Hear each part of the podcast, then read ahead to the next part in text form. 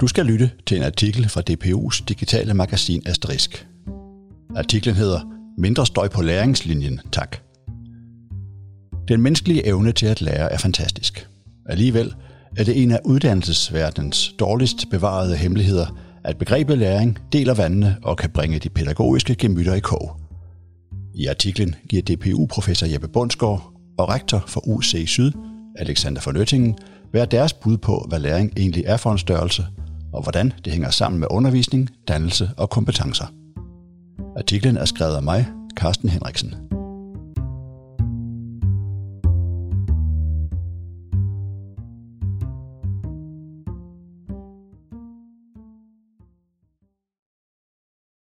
Hvis vi ikke allerede havde begrebet læring, ville vi blive nødt til at opfinde det.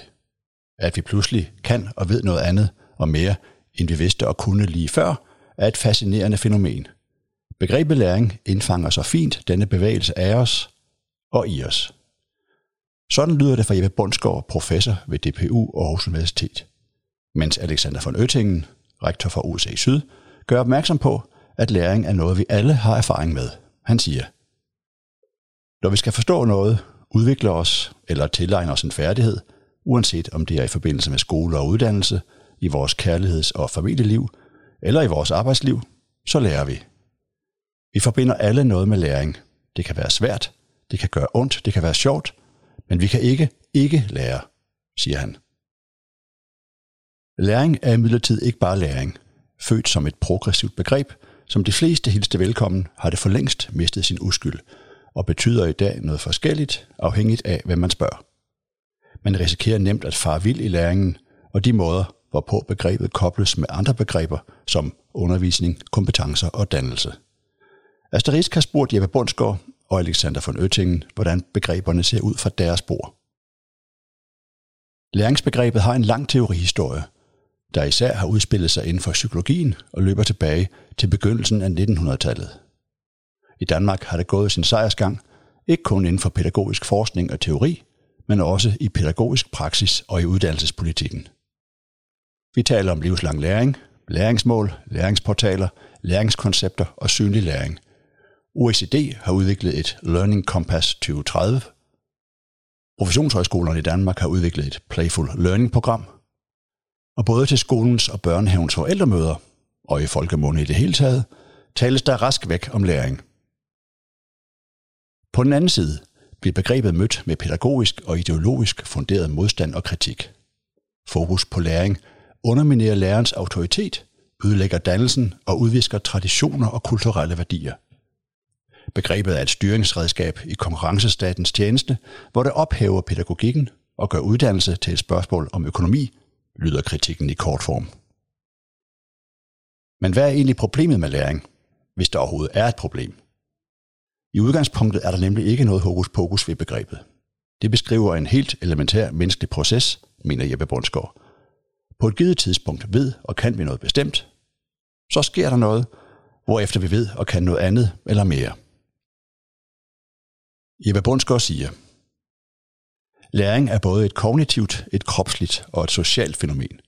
Vi lærer som individer, men også socialt, når vi udvikler nye praksiser, hvor det i egentlig forstand så er fællesskabet, der lærer noget.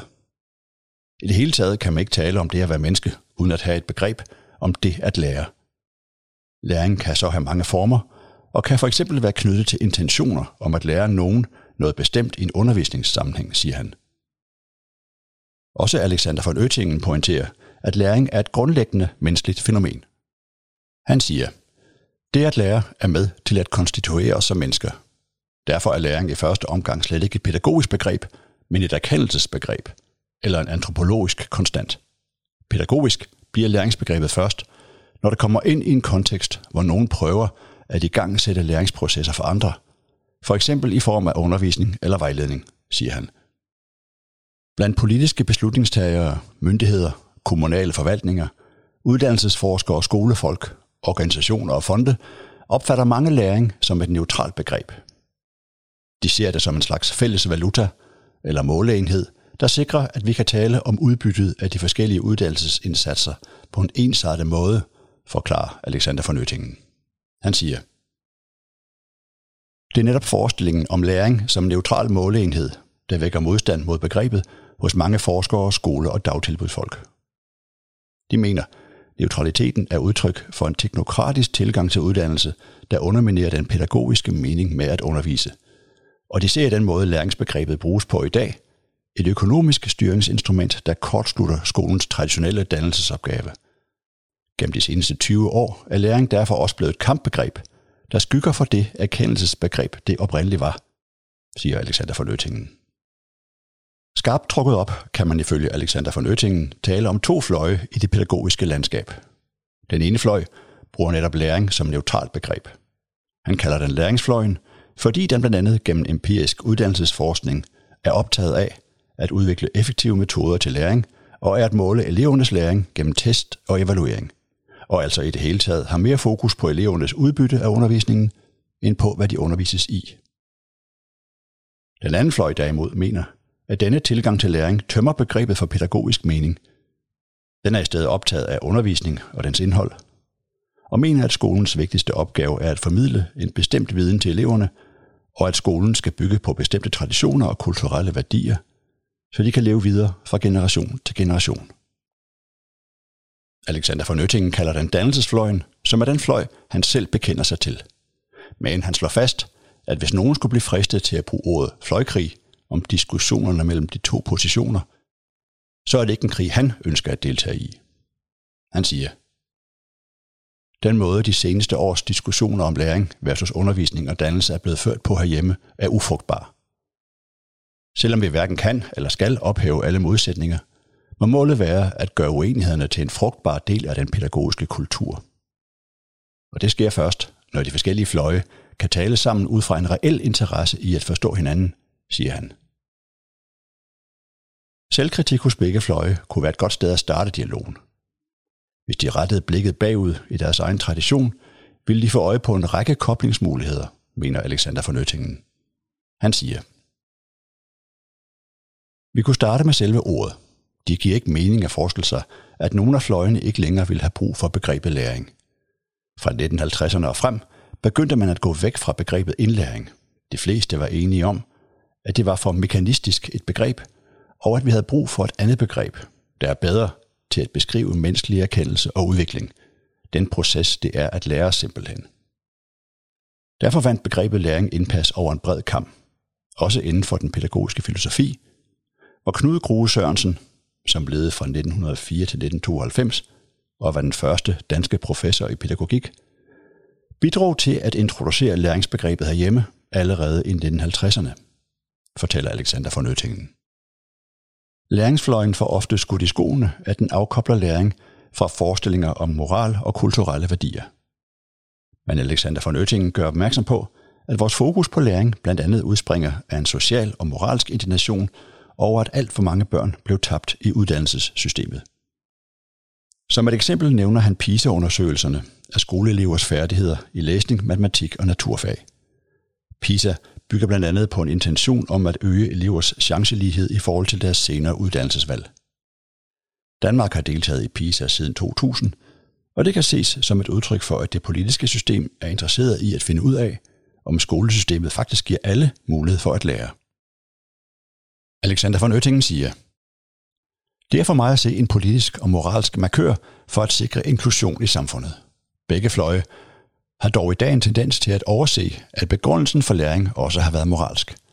På samme måde har dannelsesfløjen en tendens til at sætte OECD's uddannelsespolitik i bås som et rent teknokratisk og økonomisk foretagende. Men den overser, at OECD's forestillinger om læring også indeholder forestillinger om dannelse og moralske værdier. Og at det, der driver OECD, er et ønske om at besvare basale værdispørgsmål om formålet med uddannelse i et moderne samfund, siger han. Alexander von Oettingens pointe er, at vi på hver fløj kan finde spor af den anden fløjs argumenter. Firkantet sagt indeholder dannelsesfløjen spor af læring, mens læringsfløjen indeholder spor af dannelse. Og de ville gavne diskussionerne, hvis hver fløj selvkritisk prøver at finde argumenter i sin egen tradition for den anden fløj, inden man angriber den. Alexander von Oettingen siger, de to fløje har forskellige forestillinger om det at lære og om normer og kultur men intentionerne er fælles, født af de samme udfordringer. Hvordan indretter vi et retfærdigt uddannelsessystem? Hvad vil det sige at skabe gode læringsprocesser osv.?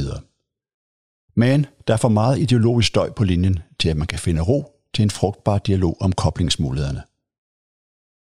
Også Jeppe Bundsgaard ser OECD som et eksempel på, hvordan berettiget pædagogisk kritik af økonomers forskninger om uddannelse og pædagogik kan stivne i et unuanceret fjendebillede. Selv deler han en stor del af denne kritik og peger på, at OECD, blandt andet gennem PISA-undersøgelserne, har inspireret til den udbredte benchmarking-logik i uddannelsessystemet.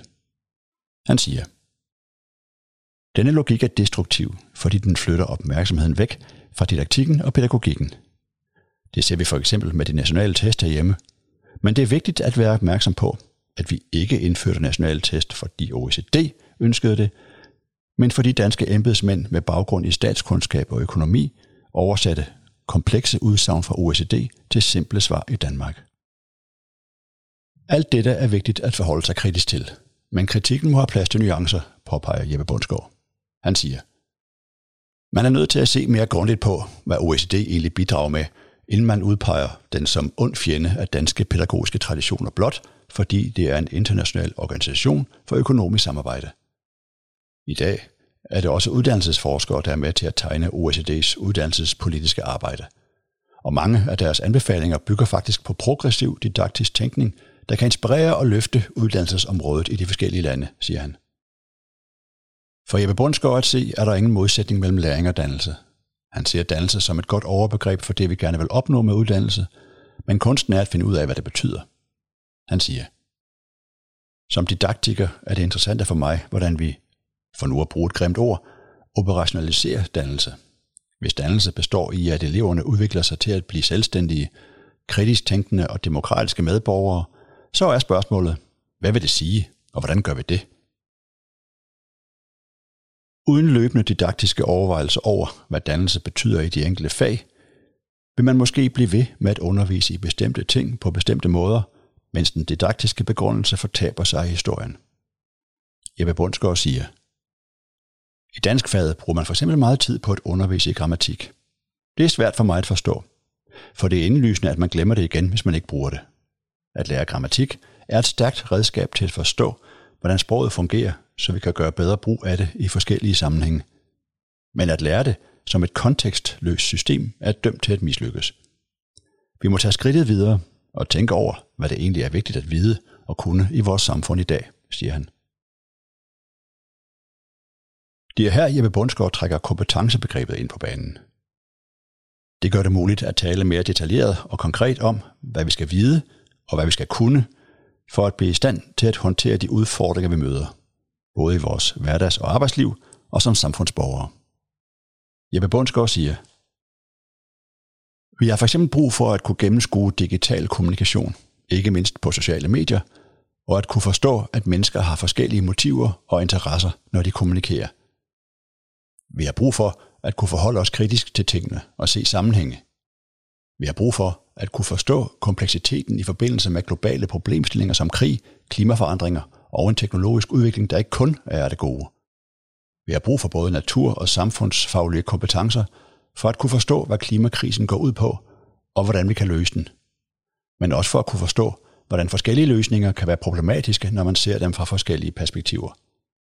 Vi har brug for at kunne forstå og gennemskue, hvad data og statistik er, og hvordan de produceres, fordi de så ofte indgår i politisk argumentation, siger Jeppe Bundsgaard. Didaktikkens analyse af, hvad elever skal kunne og vide, må altså tage udgangspunkt i reelle problemer og udfordringer. Hvor i består de? Hvad skal der til for, at vi kan løse den? Hvilke kompetencer kræver det af de opvoksende generationer? Og sidst, men ikke mindst, hvad skal vi undervise eleverne i, og hvordan, for at de kan opnå disse kompetencer? Jeppe Bundsgaard siger, Kompetencebegrebet står ikke i modsætning til dannelsesbegrebet.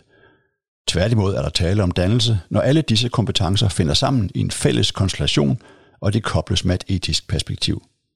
For man kan jo også udføre dårlige handlinger med sådanne kompetencer. Folkeskolens formålsparagraf er et smukt udtryk for vores fælles forståelse af, hvad vi vil med skolen. Spørgsmålet er bare, hvordan vi gør det. Didaktiske overvejelser over, hvilke kompetencer vi har brug for, er et rigtig godt bud, siger Jeppe Bundsgaard. Kompetencebegrebets styrke er, at det kombinerer det at vide noget, og det at kunne bruge sin viden. Jeppe Bundsgaard siger, Anvendelse af viden kommer ikke af sig selv. Det skal eleverne lære. Kompetencer består i at kunne aktivere den viden, man har, på de tidspunkter, hvor der er brug for det, og på måder, der passer til situationen, siger han. Begrebet kompetencer udfoldes hos centrale pædagogiske tænkere som John Dewey og Wolfgang Klafke. Men efterhånden, som det også bliver anvendt i økonomiske sammenhænge, kommer det ikke teoretisk miskredit i pædagogiske sammenhænge. OECD's DESECO-projekt fra 1997, det står for Description and Selection of Competencies, udpegede nye pædagogiske muligheder, men kunne samtidig ses som en økonomisk styringsmekanisme, forklarer Jeppe Bundsgaard. Da de to økonomer Prahalat og Hamal i 1990 publicerede artiklen The Core Competence of the Corporation i Harvard Business Review, begyndte erhvervslivet for alvor at tale om, hvilke nøglekompetencer virksomhederne har brug for på fremtidens marked. Jeppe Bundsgaard siger, det er blevet udlagt sådan, at det er økonomer, der har opfundet kompetencebegrebet, og at det er herfra, det trænger ind i uddannelsespolitikken og med sin arbejdsmarkedslogik fortrænger faglig viden og dannelse. Selvom det både er historisk og begrebeligt forkert, betyder det, at kompetencebegrebet på forhånd har en negativ klang i mange pædagogiske diskussioner, siger han. Fra starten af 1980'erne begyndte et nyt slogan at rulle ind over landet. Ingen kan lære nogen noget, lød det, og det fik blandt andet godt tag i de daværende lærerseminarier. Det var koblet til en forestilling om, at det er eleven selv, der må lære, og i sidste ende har ansvar for egen læring, som det kom til at hedde. Denne idé har blandt andet rod i den tyske sociolog Niklas Luhmanns systemteori, forklarer Alexander von Oettingen. Luhmanns ærende var at lave en sociologisk beskrivelse af uddannelsessystemet, ud fra en generel teori om de forskellige sociale systemer, som et samfund udgøres af, og hvordan de fungerer. Inden for denne teoris rammer er undervisning og læring i udgangspunktet afkoblet hinanden, og det betyder, at de pædagogiske ledetråde, der ligger til grund for undervisning, som for eksempel bestemte moralske værdier og normative forestillinger om dannelse, ikke uden videre kan overføres til de lærende elever. I 2001 ramte PISA-chokket Danmark. Danske elever scorede alarmerende lavt i den første PISA-undersøgelse, som Danmark deltog i, og der blev nu for alvor skruet op for læringsplusset. Så meget endda, at vi i vores iver efter at styrke elevernes læring så effektivt som muligt, i en periode glemte, at der også er noget, der hedder undervisning. Ifølge Alexander von Oettingen blev læreren nærmest en komisk figur, der ikke længere var den, der i kraft af sin viden og sin personlighed kunne lære eleverne noget, men snarere var en anonym driver for elevernes egne læringsprocesser. Pendulet svingede altså væk fra undervisning og over mod læring. Men det var der en grund til, forklarer Alexander von Oettingen. Han siger, Pendulet svingede fra en position, hvor læreren var undervisningens centrum og den, der repræsenterede kulturen i en skoleklasse. Hvis blot læreren var dygtig og dannet, så skulle eleverne nok også blive det, mente man. Men at det hele skulle komme an på læreren, er naturligvis en sandhed med modifikationer. Og at pendulet svingede mod læring var et udtryk for, at vi havde forsømt at have fokus på, hvad eleven egentlig fik ud af lærerens undervisning. Undervisning er det, læreren gør med børnene, og det kan ikke reduceres til deres læring. Men det stærke ved læringsbegrebet er, at det gør opmærksom på, at al undervisning i sidste ende handler om, hvorvidt eleverne faktisk har lært noget, siger Alexander von Nøttingen. Og Jeppe Bundsgaard er enig. Undervisning i skolen handler altid om, at man ønsker, at eleverne skal lære noget, hvad enten det er fagligt eller socialt. Og hvis man omvendt intenderer, at nogen skal lære noget, er en af måderne at gøre det på undervisning. Det er egentlig meget enkelt, siger han. Og fordi det er enkelt, er det også mærkeligt, at undervisning og læring så ofte bliver skilt ad, og endda brugt som kampbegreber mod hinanden, mener Jeppe Bundsgaard. Han siger, læring er det, der foregår, når nogen udvikler sig. Undervisning er det, der foregår, når nogen i en særlig institutionel kontekst intenderer, at nogle andre udvikler sig. God undervisning er for mig kendetegnet ved, at eleverne lærer noget, de kan se mening med, bliver optaget af eller kan bruge i deres liv fremover. Hvis de ikke kan det, så glemmer de det nemt, og så har de pludselig ikke længere lært det. Det er et problem, at meget undervisning fører til overfladisk og kortvarig læring, siger han.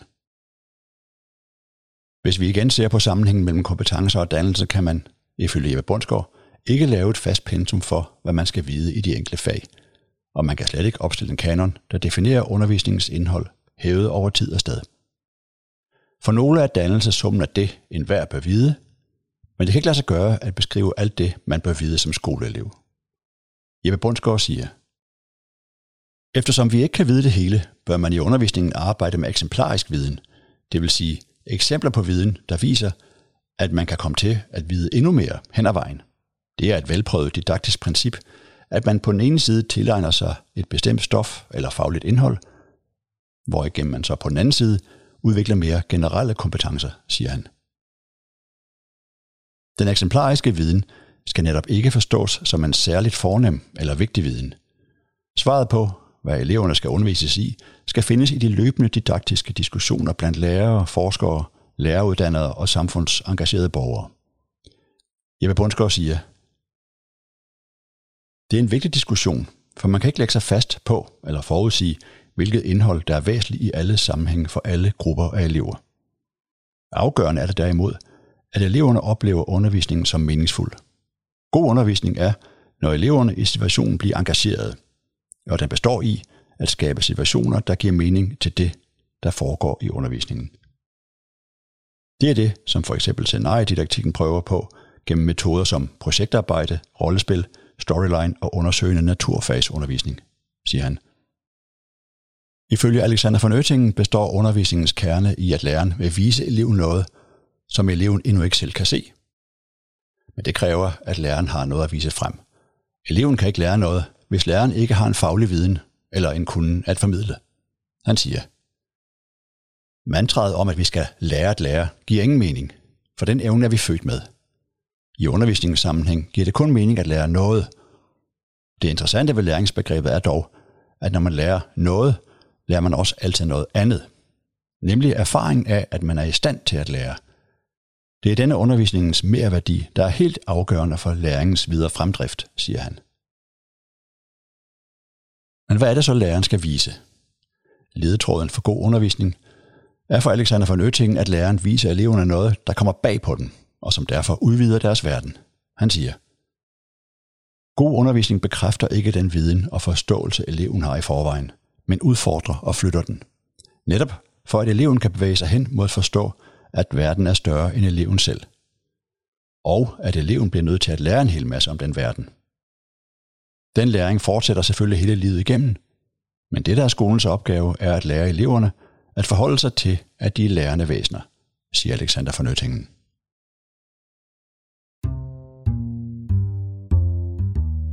Det var slut på artiklen Mindre støj på læringslinjen tak.